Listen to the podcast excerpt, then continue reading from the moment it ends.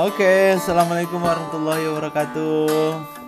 Oke teman-teman semua, so- sore hari ini kembali lagi dengan saya, Siswandi Al Bukhari. Nah, sore hari ini eh, saya berkesempatan main nih di kantor kitabisa.com dan sore hari ini saya ketemu dengan teman saya Eka Insihori. Gimana halo kabarnya Eka? Oke, alhamdulillah sehat nih Mas Sis. Gimana kabarnya? Ya, alhamdulillah baik dan sehat. Oke, nampaknya Mas Eka sedang berbunga-bunga nih. Ada gerahan apa nih sore hari ini? Eh, ya seneng aja sih dikunjungin sama Mas Sis jauh-jauh dari Solo gitu. Jadi alhamdulillah lah ada tamu ke kantor. Ya. Oke, dan sore hari ini kita nggak suka main, tapi kita akan ada sedikit diskusi. Nah, diskusi sore hari ini kita akan mengangkat tentang social enterprise. Nah, mungkin kita langsung aja ke Mas Eka nih. Kira-kira apa sih yang dimaksud social enterprise? Ini berat ya, topiknya berat banget.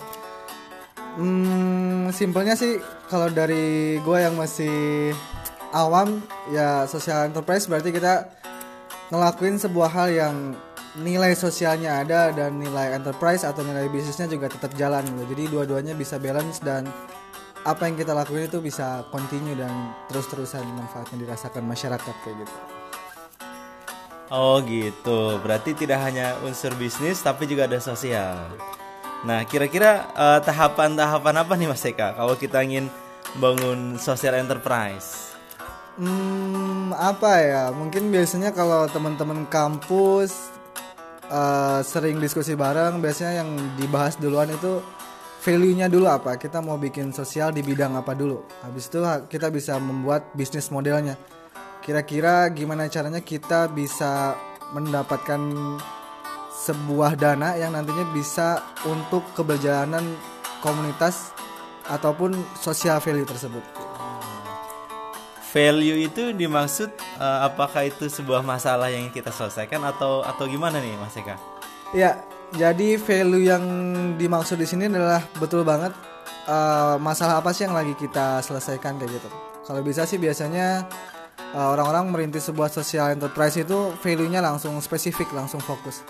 Misalkan kita bisa, ya value utamanya adalah kita membantu orang yang membutuhkan dana dan kita menghubungkan orang-orang yang memiliki kelebihan dana. Jadi kita langsung fokus dan it's boom impactful kayak gitu. Oh gitu. Jadi kalau misalkan boleh saya rangkum itu, yang pertama kita harus punyai atau menemukan masalah. Habis itu baru kita eh, membuat strategi untuk mencapai itu ya. Betul, Oh gitu. eh makin seru nih perbincangan kita sore hari ini eh, dan eh, mungkin social enterprise memang sudah rame nih akhir-akhir ini atau mungkin sudah lama ya sebenarnya. Cuman memang eh, sedang banyak digeluti oleh pemuda Indonesia. Nah, cuman kadang yang menjadi permasalahan ini Mas Eka. Nah, eh, banyak eh, social enterprise yang muncul di kalangan pemuda gitu. Tapi kemudian tidak eh, sustainable. Nah, gimana sih caranya biar social enterprise ini tetap sustainable? Ya. Oke, ya betul banget. Jadi mungkin karena jiwa-jiwa muda mulai banyak yang menggelora gitu. ya. Jadi banyak juga lahir social enterprise di kalangan eh, aktivis khususnya aktivis kampus. Cuman beberapa itu memang nggak bertahan lebih dari setahun atau dua tahun. Nah kalau dari saya, saya mengutip dari Kak Timi selaku CEO kita bisa yang ngebuat social enterprise itu bersifat kontinu dan tetap lanjut itu biasanya kita harus fokus eh, menyelesaikan spesifik masalah tertentu dan yang kedua ya kita harus struggle gitu karena memang dalam membuat sebuah bisnis bisnis model khususnya sesuatu yang baru itu kita memang harus jatuh bangun nyoba lagi belajar lagi nyoba lagi dan sampai kita menemukan track yang pas gitu di sisi lain value nya tetap kita jaga Oh gitu. Oke, menarik sih. Eh, ada juga yang tanya gini nih Mas Eka.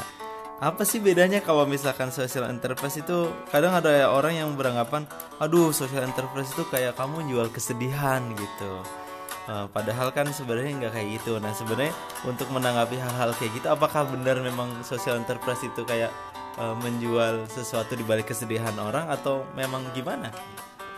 Ya, kalau dibahas masalah ngejual kesedihan sebenarnya enggak juga sih. Cuman kadang kita memang eh, mendefinisikan terlalu sederhana seperti itu. Jadi di bidang sosial kita juga bisa mengangkat uh, emosi-emosi yang lain, tidak hanya masalah kesedihan. Misalkan kita mengangkat seorang yang berprestasi dari timur misalkan, kita bisa mengangkat cerita-cerita seperti itu.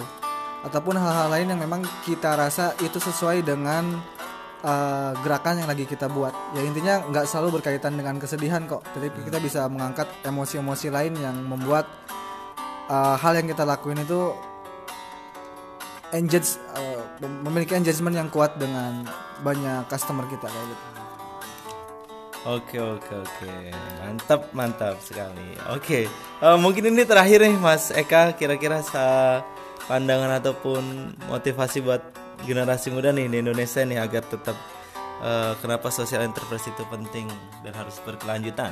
Oke kalau masalah pandangan buat yang muda-muda ataupun yang masih di kampus uh, bisa dicoba juga terjun di social enterprise karena memang uh, kita masih punya banyak masalah di bidang sosial.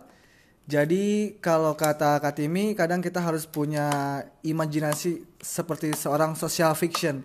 Artinya bukan hanya science fiction gitu. Jadi kita bisa menyelesaikan masalah-masalah sosial, masalah-masalah sosial dengan imajinasi kita yang lebih tinggi sehingga beberapa problem bisa selesai. Kayak gitu. Ada ada lagi nggak kak?